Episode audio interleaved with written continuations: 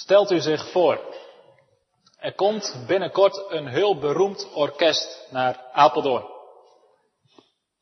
En alle mensen in de gemeente Apeldoorn die betrokken zijn bij een kerk, krijgen een uitnodiging om naar een uitvoering van dit beroemde orkest te komen.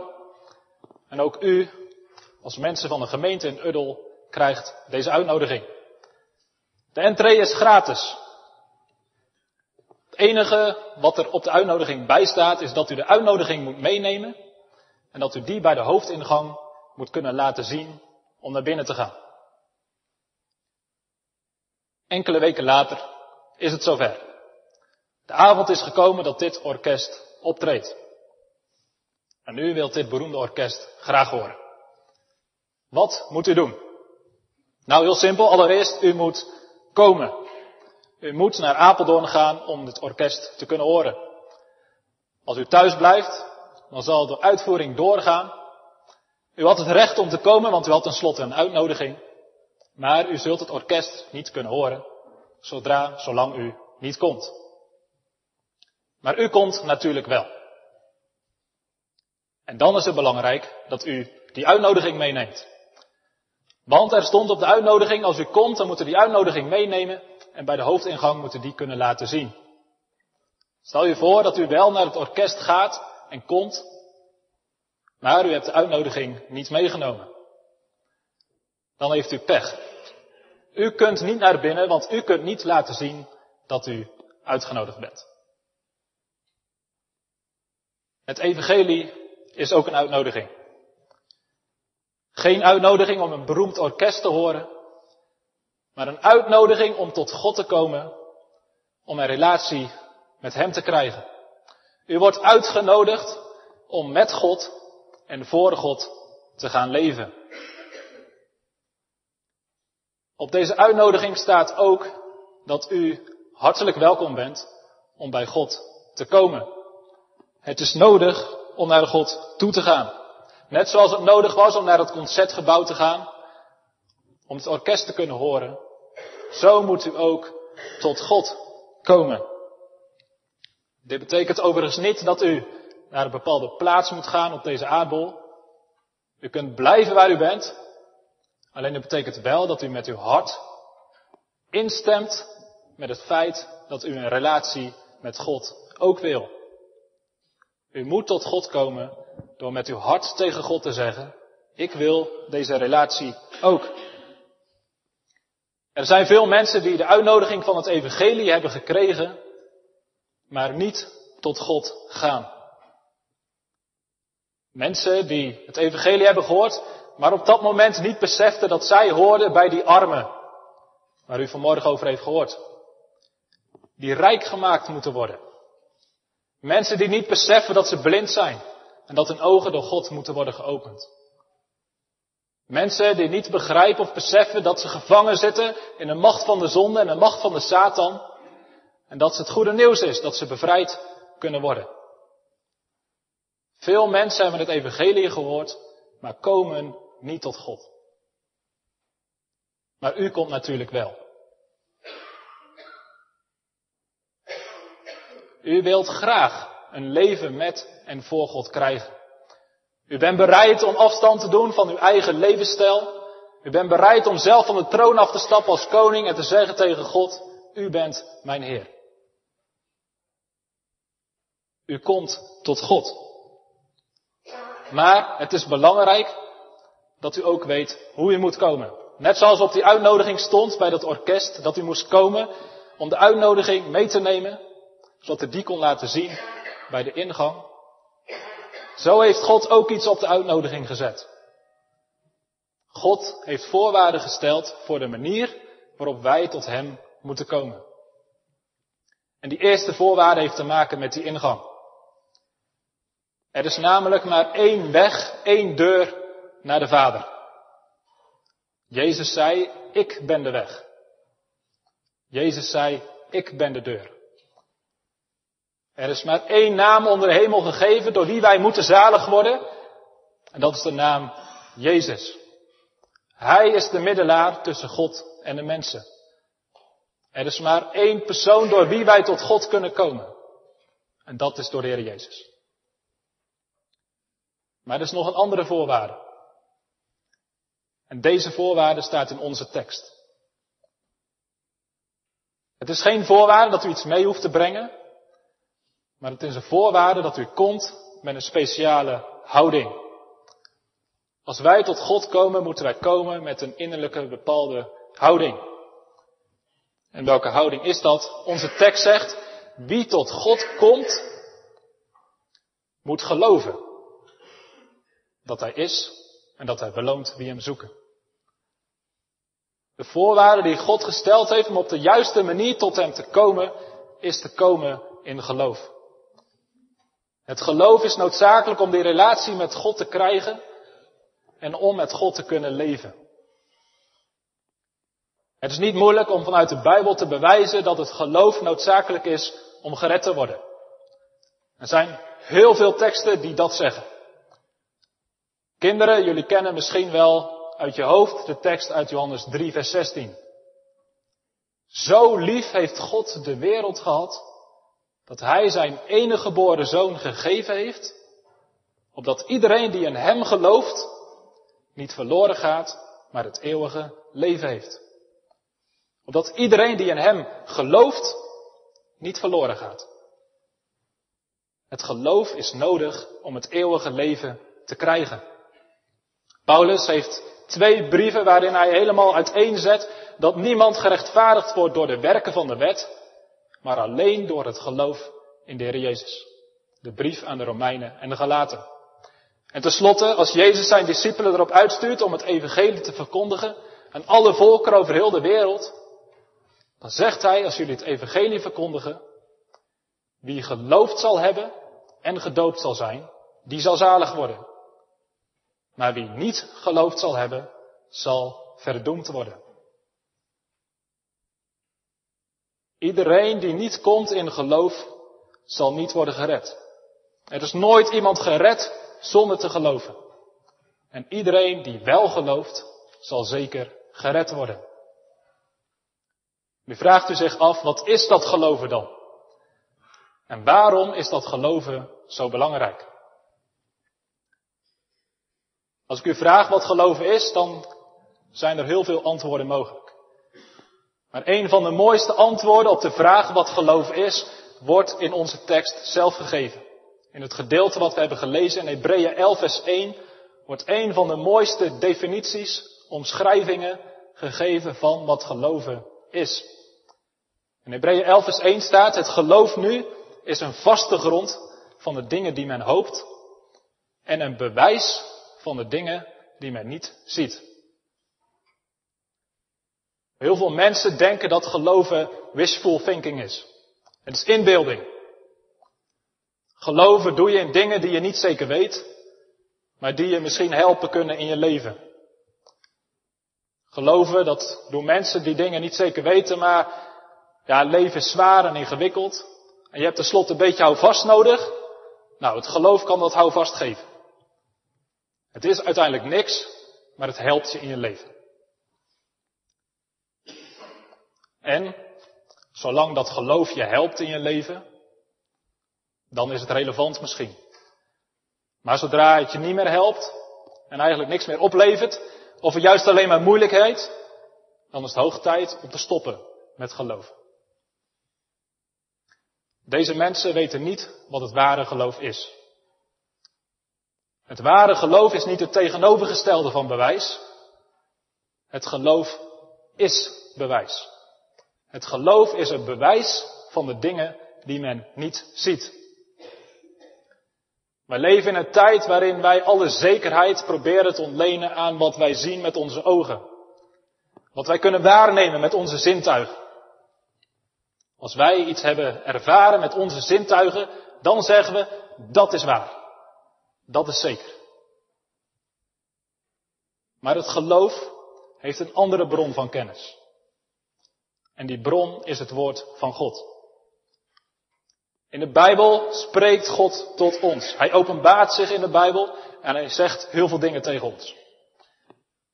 En mensen die dat ervaren, die weten dingen zeker. En deze kennis deze zekere wetenschap noemt de Bijbel geloof. Het geloof weet dat God dingen in zijn woord heeft gezegd en dat ze daarom waar zijn. Het geloof zegt, de eeuwige, almachtige, wijze en goede God, die niet liegen kan, heeft zelf gezegd dat hij dit en dat, of zus en zo, doen zal. En daarom zal het gebeuren. God zegt ontzettend veel in de Bijbel tot ons. Hij geeft heel veel beloften. En alles wat God zegt is waar. Alles wat God zegt, dat meent Hij. En het geloof erkent dat, het geloof ziet dat, en die zegt als het ware amen op alles wat God zegt. En op het moment dat het geloof zo die belofte ontvangt, dan komen de beloften aan op het goede adres. De beloften kunnen afgestoten worden, zodat ze niet kunnen uitwerken wat ze willen door ongeloof. Als wij de belofte ontvangen in geloof, dan beginnen de beloften meteen hun werking te doen. Op het moment dat u de belofte gelooft, begint de belofte aan u vervuld te worden. Maar een van de moeilijkste dingen is dat we dat niet altijd meteen merken. We geloven de belofte, maar waar zien we de vervulling van die belofte? Dit was het probleem van de Hebreeën. Op het moment dat nou, mogelijk Paulus deze brief schrijft, is deze gemeente in een crisis. Ze hebben te maken met heftige vervolging en heel veel gemeenteleden haken af. Ze gaan twijfelen aan de belofte van God. Ze gaan twijfelen of God al die beloften wel zal vervullen. En dan wijst Paulus erop, in het gedeelte wat we hebben gelezen, dat ze moeten vasthouden aan het geloof.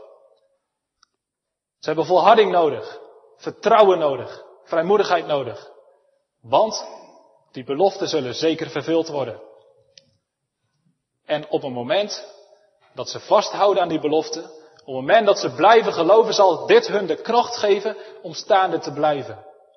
Het geloof zorgt er namelijk niet alleen voor dat de beloften aan ons vervuld gaan worden, dat ze aan ons gaan werken, maar de beloften zorgen er ook voor dat de dingen die nog niet vervuld worden, dat de dingen die we nog niet gelijk merken, dat we die toch kunnen ervaren. Een voorbeeld, bijvoorbeeld, wij krijgen als gelovigen de belofte dat we straks voor eeuwig in de hemel mogen zijn. Dat is iets waar de meesten van ons lang op moeten wachten. Pas als je sterft, zal die belofte merkbaar vervuld worden. Het geloof nu is zo sterk dat voordat we uiteindelijk die belofte concreet vervuld krijgen, dat we nu door te geloven al iets van die hemelse vreugde kunnen ervaren. Het geloof zorgt er dus voor dat de beloften vervuld worden en dat de beloften die nog niet vervuld zijn, we toch kunnen ervaren. Waarom is dit geloof zo belangrijk? Allereerst omdat God het geloof heeft gekozen als het middel om ons te redden. Wij hebben vaak de indruk dat we gered moeten worden door onze eigen prestaties. We hebben vaak het idee dat het er heel veel toe doet wie wij zijn en wat wij wel of niet doen. Maar iedereen die zijn best doet om gered te worden, door eigen inzet, die zal erachter komen dat je nooit op het punt komt dat je het zelf waard bent. En dat is waar. Niemand wordt ooit gered door zijn eigen werken. Niemand wordt gered door wie die is, welke positie die heeft, of wat hij wel of niet heeft gedaan. Maar God heeft een andere manier gekozen om ons te redden. Niet op basis van wie wij zijn en wat wij wel of niet doen. Maar God heeft ervoor gekozen om ons te redden op basis van wie Hij is. En wat Hij heeft gedaan. En het geloof ziet op God. Ziet op wie God is. En wat Hij heeft gedaan. Waarom heeft God het geloof dan gekozen? Ik denk dat hier het antwoord op is dat het geloof God het meest verheerlijkt. Op heel veel plekken in het Nieuwe Testament wordt er ingegaan op de geschiedenis van Genesis 15 die we hebben gelezen over Abraham. Abraham geloofde in God, staat er, en het werd hem tot rechtvaardigheid gerekend. Romeinen 4 is een van de gedeelten die uitgebreid ingaat op het geloof van Abraham. Abraham die geweldige belofte had gekregen, maar ook onmogelijke belofte. Hij was al veel te oud om een kind te kunnen krijgen. En Sarah ook. Maar dan staat er dat Abraham niet twijfelde aan God door ongeloof, maar dat hij gesterkt werd in het geloof en dat hij daardoor God de eer gaf. Abraham twijfelde niet, maar geloofde en daardoor werd God verheerlijkt. Nu, wat is dat geloof van Abraham? Nou, er staat dat Abraham overlegde bij zichzelf dat God machtig was om te doen wat hij had beloofd. Abraham geloofde dat God dingen had gezegd en dat God daarin te vertrouwen was. God geloofde dat, Abraham geloofde dat God betrouwbaar was. En dat God machtig was om te doen wat hij had beloofd. Het geloof verheerlijkt God, omdat het erkent wie God is. Ongeloof doet het tegenovergestelde. Ongeloof twijfelt. Ongeloof twijfelt of God wel echt dingen heeft gezegd. En of God de dingen die hij heeft gezegd wel waar wil en kan maken. Alle beloften die God doet, dan zegt het ongeloof, zou het? Wil God het wel? Kan God het wel? Het geloof twijfelt aan de betrouwbaarheid van de woorden die God zegt. In de brief aan Johannes zegt Johannes zelf dat als we niet geloven, dat we God tot een leugenaar maken. Door het geloof verheerlijken we God. Maar er is geen grotere zonde dan niet te geloven en te twijfelen aan wie God is en wat Hij heeft gezegd. En daarom staat er in het begin van onze tekst, Hebreeën 11 vers 6, dat het zonder geloof onmogelijk is om God te behagen. En dit moeten we goed beseffen. We kunnen de indruk krijgen als het gaat om het evangelie, als het gaat om het goede nieuws dat wij weer een relatie met God kunnen krijgen, dat wij gered worden, dat het allemaal draait om de mens. We kunnen de indruk krijgen dat het gaat om ons geluk. Dat het gaat om onze redding. En daar gaat het ook om. Maar dat is niet het uiteindelijke doel. De hoofdzaak waar alles om draait is de eer en glorie van God. Het gaat er uiteindelijk niet om dat wij door God behaagd worden, maar dat wij als mensen God behagen. Ik hoop dat u duidelijk is waarom het geloof noodzakelijk is. Het geloof is ten eerste nodig omdat u zonder geloof niet gered kunt worden. En ten tweede moet u weten dat het geloof nodig is om God te verheerlijken, om Hem te behagen. Geloof daarom, zodat u gered kunt worden, maar vooral zodat God verheerlijkt wordt.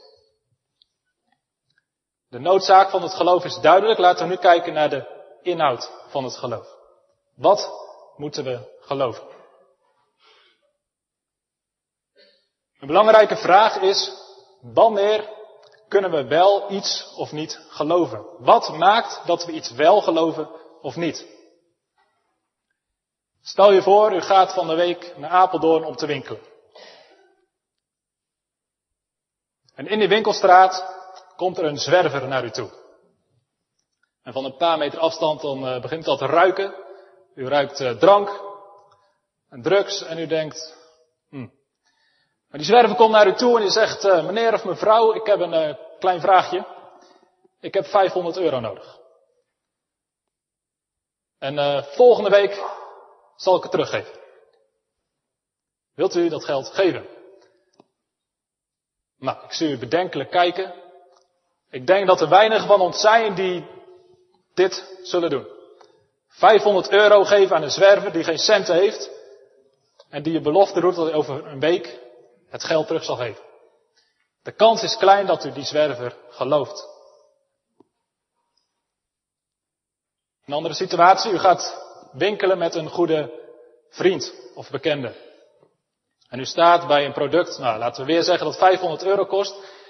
En uw vriend wil dat graag kopen.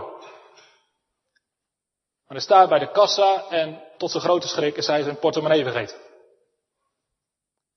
En hij zegt tegen u, wilt u mij die 500 euro voorschieten? Dan zal ik vanavond als ik thuis ben direct overmaken. Nou, het is een goede bekende voor u. U weet dat hij een goede baan heeft en dat hij een eh, goede bankrekening heeft. De kans is groot dat u hem wel gelooft. En dat u hem die 500 euro voorschiet. Wat is nou het verschil? Voor het geloof is het belangrijk dat de, de persoon die de belofte doet vertrouwen. En dat wat hij belooft, dat het realistisch is. En dat we hem ook daarin kunnen vertrouwen. Wat zijn de dingen die wij moeten geloven volgens Hebreeën? Hebreeën 11, 6 zegt, wie tot God komt, moet geloven dat Hij is en dat Hij beloont wie Hem zoeken. Dit zijn precies de twee dingen die ik zojuist heb genoemd, die nodig zijn om te kunnen geloven. We moeten geloven dat God is, dat is Zijn persoon. Is God Zijn persoon, is Hij te vertrouwen. En de tweede, de inhoud van wat Hij belooft. Dat Hij beloont wie Hem zoeken. Laten we naar deze twee dingen kijken. Allereerst moeten we geloven dat God is. Nu vond ik dat altijd een beetje een rare zin. Alsof het niet af was. We moeten geloven dat God wat is. Er zou kunnen staan dat God goed is. Of dat God betrouwbaar is. Dat God liefdevol is. Of dat... Maar dat staat er allemaal niet. Er staat alleen dat God is. Dat betekent twee dingen. Allereerst moeten we geloven dat God bestaat. Dat God is. Willen we de belofte geloven die God doet, dan moeten we allereerst ervan overtuigd zijn dat God daadwerkelijk bestaat. Voor heel veel mensen is dit ook een vraag. Zij denken dat God een hersenspinsel is van mensen, dat hij wel ergens in het hoofd van mensen zit, maar ze zijn er niet van overtuigd dat het daadwerkelijk een wezen is dat het daadwerkelijk een levende God is. En zolang u dat niet gelooft, kunt u niet de belofte van God geloven. Hoe kunnen wij weten dat God bestaat? Dat Hij wel leeft? Dat Hij wel is? Er is geen mens die vanuit zichzelf op zoek kan gaan naar God en op die manier God zal vinden. Wij zijn allemaal beperkt. Waar we ook zoeken, hoe hard we ook zoeken, als het aan ons ligt, zullen we God nooit vinden. Het is nodig dat God zichzelf aan ons openbaart. God is een geest. En dat betekent dat wij hem niet kunnen zien met onze lichamelijke ogen. God is een geest en dat betekent dat we hem alleen kunnen ervaren met onze eigen geest. En aangezien onze geest door de zonde dood is, is het nodig dat God onze geest levend maakt en dat Hij zijn geest aan ons kan laten zien. En als God zich op deze manier aan mensen openbaart, dan weet u zeker dat God er is. Dat is net zo zeker als u overdag wordt gevraagd of er een zon is. Op het moment dat de lucht blauw is en u ziet de zon stralen, of het is bewolkt en u ziet dat het licht is, en iemand vraagt er nu, geloof jij dat de zon bestaat? Dan kan u maar één antwoord geven. Ja. Kijk maar. We kunnen het misschien verder niet bewijzen, maar dat is ook onzinnig. Het hoeft niet. Zo is het ook met God. Als God zich aan onze geest openbaart, op dat moment weet u zeker dat God er is. En waar openbaart God zich? Allereerst in de natuur en ten tweede in zijn woord. We wonen hier in een prachtige omgeving. Je kunt hier het bos in en de hei op. En er zijn er momenten in de stilte en de eenzaamheid dat je enorm onder de indruk kunt komen van de natuur. Momenten dat je niet anders kunt geloven dan dat er een schepper is die alles heeft gemaakt wat je op dat moment ziet en ervaart. Een nog meer betrouwbare manier om God te ontdekken is de Bijbel. Als hier mensen zijn die twijfelen aan God, dan zou ik allereerst zeggen, kijk gewoon om je heen in de natuur. Kijk nederig. Maar vooral, lees de Bijbel. Op het moment dat u zoekt naar God en u leest de Bijbel, dan zal God zich daar zeker aan u openbaren. Dan weet u dat God is. Ik zei dat God is kan twee dingen betekenen. Allereerst dus dat Hij bestaat. De tweede betekent het dat God is zoals Hij zich in zijn woord heeft geopenbaard. We moeten geloven dat God is zoals Hij zich in de Bijbel aan ons laat zien wie Hij is. Hij is, is de derde persoon van ik ben. Als God over zichzelf spreekt in de Bijbel, zegt God heel vaak ik ben. Hier staat dus dat we moeten geloven, vanuit God gezien, dat God de ik ben is. De ik ben is de naam Heere en dat omvat het hele karakter van God. Alle eigenschappen van God zitten in de naam ik ben. Als we dus moeten geloven dat God is, dan moeten we geloven dat God zijn hele karakter is zoals Hij zich in de Bijbel laat zien. We moeten geloven dat God rechtvaardig is. Dat Hij genadig is. Dat Hij heilig is. Dat Hij alomtegenwoordig is. Dat Hij eeuwig is. En ga zo maar door. Alles wat God in zijn woord laat zien en wie Hij is, dat moeten we geloven. Dus op het moment dat er staat, we moeten geloven dat God is, en het wordt niet aangevuld, dan mag u alles aanvullen van wat God heeft laten zien in zijn woord van zichzelf. U kunt invullen dat God rechtvaardig is. Wie tot God komt, moet geloven dat God rechtvaardig is. Dat Hij de zonde haat en niet ongestraft laat. Dat Hij elke zonde zal straffen. U kunt het woord genadig invullen. Wie tot God komt, moet geloven dat Hij genadig is. Dat God niet alleen een God is die elke zonde zal straffen, maar ook een God die elke zondaar genadig wil zijn en vergeving wil geven. Maar de twee belangrijkste eigenschappen voor het geloof zijn, denk ik, de wil en de macht van God. Dat God gewillig is om u te redden en dat God machtig is om u te redden. Allereerst de wil van God. Wie tot God komt moet geloven dat God gewillig is om u te redden.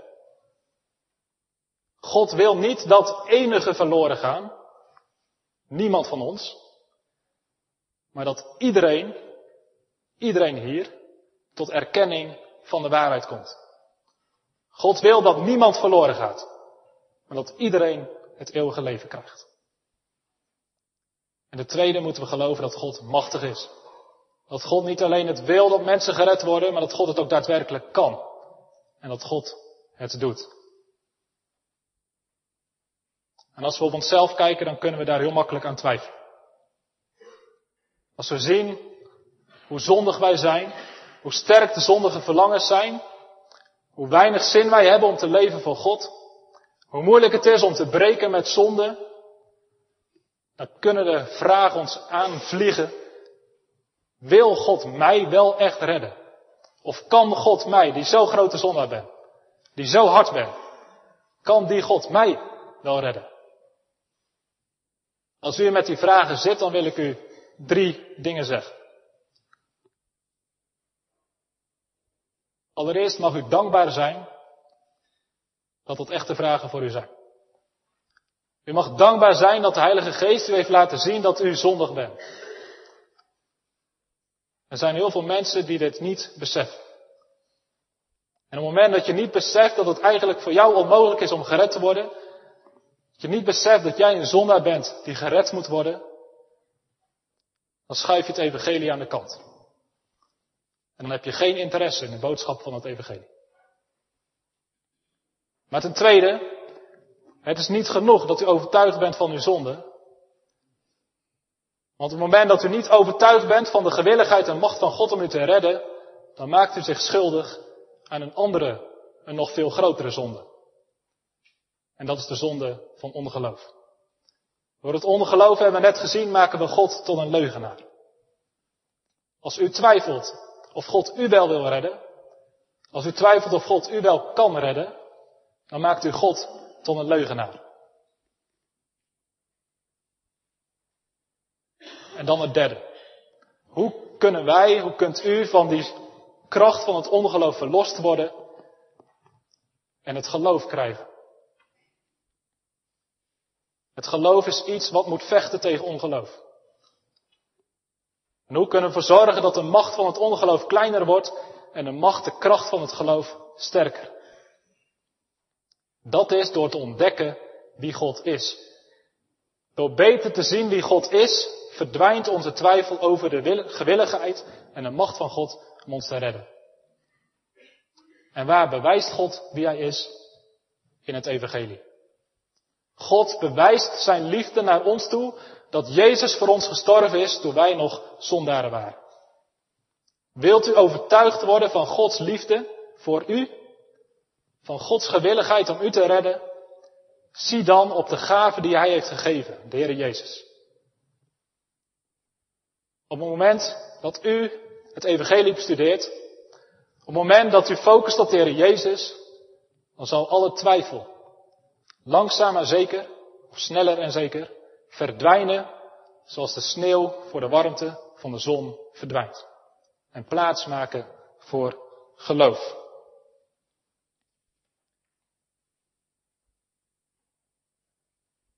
We hebben dus geen redenen om te twijfelen als het gaat om de persoon van God. Maar er staan twee dingen die we moeten geloven. We moeten geloven dat God is en dat God beloont wie hem zoeken. Geen redenen om te twijfelen aan de persoon, maar hebben we misschien wel redenen om te twijfelen aan de inhoud van de belofte die deze persoon doet. Als een zwerver ons 500 euro belooft terug te geven, dan geloven we niet. En wat belooft God ons? God belooft ons dat Hij een beloner is, dat Hij beloont degene die Hem zoeken. Kan God deze belofte waarmaken? Is God in staat om te doen wat Hij hier heeft gezegd? Het is mooi dat hier in het Grieks het net iets anders staat. En af en toe versprak ik mij al. Er staat namelijk niet dat God beloont wie hem zoeken, maar dat God een beloner is van degene die hem zoeken. Dit maakt duidelijk dat het wezen van God is om mensen te belonen. God doet niets liever dan mensen te belonen. God doet niks tegen zijn eigen wil in. God doet niks tegen zijn eigen natuur in. Maar God kan ons belonen omdat het zijn karakter is. Omdat het zijn wezen is. God zal nooit zeggen, ik heb dit en dat beloofd. Maar sorry, ik kom erop terug. Ik wil het toch niet waarmaken. Of ik kan het toch niet waarmaken. Elke belofte die God doet, die kan hij waarmaken. Ook dat hij beloont degene die hem zoeken. En dan is de vraag, wat is dan die beloning? Wat is het loon wat God wil geven aan degene die hem zoeken? Allereerst wil ik nog wat zeggen over dat woord zoeken. Ik denk dat iedereen hier wel eens de ervaring heeft dat je iets kwijtraakt wat heel kostbaar voor je is. Je tast in je zak en tot je grote schrik zit je fietssleutel er niet meer in. Of je bent je portemonnee kwijt. Of je mobiel. Als je zoiets merkt, dan kan het zomaar zijn dat je gelijk in paniek raakt. En je gaat als een gek overal zoeken om dat weer terug te vinden. Want je moet die sleutel hebben, want anders kun je je fiets niet meenemen. En je moet je portemonnee hebben, want daar zitten al je belangrijke pasjes in. Je gaat met alle inspanning, ga je je best doen om dat wat je kwijt bent weer te vinden. En dat is het woord wat hier staat voor zoeken. Dat is zoeken met alle inspanning, met alle energie. Jezelf geen rust gunnen voordat je hebt gevonden wat je bent kwijtgeraakt. Zo moeten wij God zoeken. Vanuit de diepe overtuiging dat wij hem echt niet kunnen missen. Vanuit het besef dat we niet zonder hem kunnen leven. En op het moment dat u dat beseft, dan zult u God gaan zoeken met alles wat in u is. Nu kan het zomaar zijn dat je iets kwijt bent en dat je heel lang hebt gezocht, maar het niet hebt gevonden. Het kan zijn met een fietssleutel. Je kan op alle plekken leggen. Je hebt geen idee waar je moet zoeken. En na uren zoeken heb je nog steeds niet gevonden. Je hebt blijkbaar nog steeds niet op de goede plek gezocht. Sommige mensen ervaren het zoeken naar God ook zo. Ze zoeken al jaren. Maar ze hebben God nog steeds niet gevonden. Er zijn mensen de ruimte ingegaan en ze kwamen terug. Nee, we hebben God niet gevonden. Veel mensen zoeken God overal. Ze gaan alle religies bestuderen die er zijn. Ze gaan met allemaal mensen erover praten. Ze gaan mediteren en ze doen van alles om iets hogers, een God, te vinden. Deze mensen vinden God niet.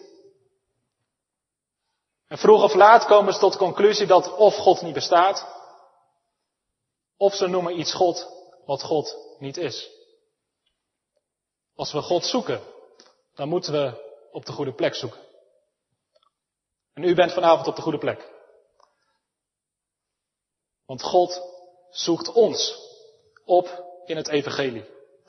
God zoekt ons op op het moment dat we de Bijbel lezen. En op het moment dat we naar de kerk gaan. God komt tot ons door de belofte van het evangelie. En als we daar in het evangelie, als we in die belofte God zoeken, dan zullen we beloond worden. Dan zullen we vinden. En nu is het ook niet moeilijk om te weten wat die beloning dan is. De beloning die God geeft is de vervulling van al die beloften die jij doet. God belooft in het evangelie vergeving van zonde. Op het moment dat u God zoekt en die belofte gelooft, dan wordt u beloond doordat uw zonden vergeven worden. Op het moment dat u de belofte gelooft dat u aangenomen wordt tot een kind van God, dan bent u op dat moment aangenomen tot een kind van God. En er zijn heel veel beloften te noemen. Maar uiteindelijk komen al die beloften op één ding neer. En dat is de relatie met God zelf. God belooft heel veel, maar uiteindelijk belooft God zichzelf. God wil zichzelf aan u en mij geven. Als u God zoekt, dan zal u beloond worden. Doordat u zelf God krijgt. De relatie met Hem. Abraham had heel veel geweldige beloften gehad. Hij kreeg de belofte van een groot nageslacht, waar de Messias uiteindelijk uit zou voortkomen. Abraham kreeg de belofte van een mooi land om in te wonen. Maar al die beloften heeft Abraham niet vervuld zien worden. Maar Abraham moest leren dat al die beloften een veel grotere belofte vertegenwoordigden. Daarom komt God tot Abraham in Genesis 15 en zegt God tegen Abraham, ik ben uw loon zeer groot. Abraham, je kunt gefocust zijn op al die zegeningen die ik heb beloofd, maar de grootste zegen die ik jou beloofd heb en die ik aan jou waar wil maken, is mijzelf. Ik ben uw loon zeer groot. God beloont degenen die hem zoeken door zichzelf te geven aan degenen die hem zoeken. U vraagt u zich misschien af, maar dat woord belonen, betekent dan dat wij iets moeten verdienen? Dat God iets schuldig aan ons is? Nee, dat betekent het niet. Het woord beloning wil je niet duidelijk maken dat wij alsnog iets moeten verdienen. En dat God dan vervolgens aan ons iets schuldig is. Dat wij een bepaalde mate van inzet of prestaties moeten leveren en dat God dan zegt, dan moet ik jou belonen. Als het weer van onze verdiensten zou afhangen, dan zou het opnieuw nooit goed komen. Het woord belonen wil juist duidelijk maken dat het zeker is vanuit God gezien. Het woord belonen wil ons bemoedigen dat als je God zoekt, dan zul je zeker vinden. Maar niet omdat wij zoeken of dat wij zo goed ons best doen, maar omdat God het beloofd heeft. God heeft zichzelf verplicht aan zijn eigen belofte En God zegt, omdat ik het heb beloofd en u voldoet aan de voorwaarden, dan zal ik de belofte aan u vervullen. God kan niet onder zijn eigen belofte uit. Als God u belooft dat u, als u vertrouwen stelt op de Heer Jezus, als u gelooft in de belofte van het Evangelie, dat u gered wordt, dan kan er niet anders of u wordt gered. Niet omdat God het verplicht is aan u, maar omdat God het verplicht is, omdat Hij het zelf heeft beloofd. Dit is een geweldige boodschap voor alle mensen die hier naar die relatie met God zoeken. Misschien bent u vanmorgen of eerder in uw leven stilgezet door God en in één keer beseft u dat uw leven zonder God leeg en doelloos is. En er kwam een diep verlangen in uw hart om die relatie met God te krijgen. Er is goed nieuws voor u. Want als u zoekt naar God en u komt tot Hem om de relatie met Hem te krijgen, dan mag u zeker weten dat u zult vinden. God beloont wie Hem zoeken. Wie zoekt, zal vinden.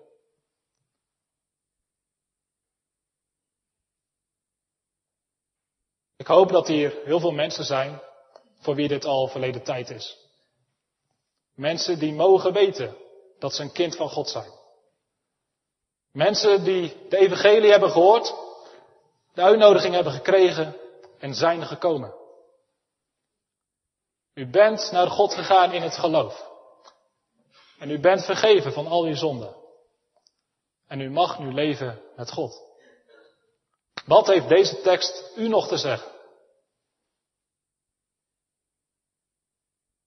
Nou, het komen tot God is niet iets wat alleen de bekering uitdrukt. Dat is niet het eerste moment dat u van God afstond en terugkwam zoals de verloren zoon bij de Vader. Het hele leven van ons als christenen is een komen tot God. Dagelijks worden wij door God uitgenodigd om weer bij Hem terug te komen. En dagelijks moeten wij tot Hem komen. En daarom geldt voor ons allemaal dat we in heel ons leven een houding van geloof moeten hebben. Heel ons leven blijft het geloof noodzaak. Ten tweede geldt voor ons hele leven dat die inhoud van het geloof hetzelfde blijft. Heel ons leven moeten we blijven geloven dat God is, dat Hij bestaat, dat Hij is zoals Hij zich in zijn woord heeft geopenbaard. En heel ons leven moeten wij geloven dat God beloont die Hem zoeken. En ten derde kunnen wij heel ons leven als gelovig ervaren dat God een beloner is van degenen die Hem zoeken. Er zijn in de geschiedenis heel veel mensen geweest die al jarenlang christen waren, die al jarenlang wisten dat ze opnieuw geboren waren, dat ze naar de hemel zouden gaan, en die opeens beseften dat God heel ver weg was in hun leven. Opeens voelden ze dat ze van God waren afgedwaald. Of ze ontmoeten mensen of ze lazen verhalen over mensen die God zoveel dieper en zoveel dichterbij hadden ervaren. Mensen die een honger kregen naar God. En als je die verhalen leest, dan lees je hoe ze intens weer de Bijbel gaan lezen en gaan bidden om meer van God te ervaren. Zij gingen God zoeken, terwijl ze al lang gered waren. En al deze mensen kunnen getuigen, hebben getuigd, dat ze God meer en krachtiger hebben gevonden. Kent u als een kind van God deze honger naar God?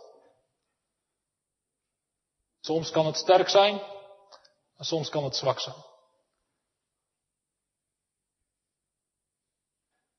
Weet dat u veel meer kunt ervaren van God dan u ooit in uw leven heeft gedaan. Weet dat God veel heerlijkere dingen aan u wil geven dan u op dit moment kent en heeft ervaren. Er is een rijker geestelijke leven voor u mogelijk. Jezus is niet alleen gekomen om ons een leven te geven, maar ook overvloed. Jezus wil ons vervullen met zijn Heilige Geest. Tot stromen van levend water uit ons binnenste vloeien. Kent u die honger naar God? Ik hoop dat deze tekst ons allemaal aanspoort. Of je nou nog niet gered bent of al lang gered mag zijn. om te zoeken naar God. God beloont iedereen die hem zoekt. Als wij hem zoeken door tijd te nemen voor gebed. Als wij hem zoeken door tijd te nemen om het Bijbel te lezen. Als we tijd nemen om als gelovigen samen te komen. Om over God te praten en ons hart op hem te richten. Dan krijgen we de belofte dat God beloont die hem zoeken. Als er één ding nodig is wat wij als christenen vandaag in Nederland nodig hebben, dan is dat dit.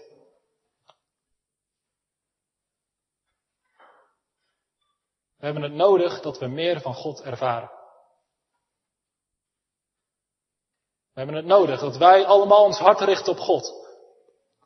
Dat we met z'n allen Hem zoeken.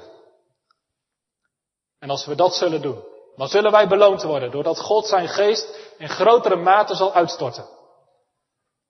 En als God dat doet, dan zal de kerk weer vol worden van kracht, van blijdschap, van vreugde, van liefde.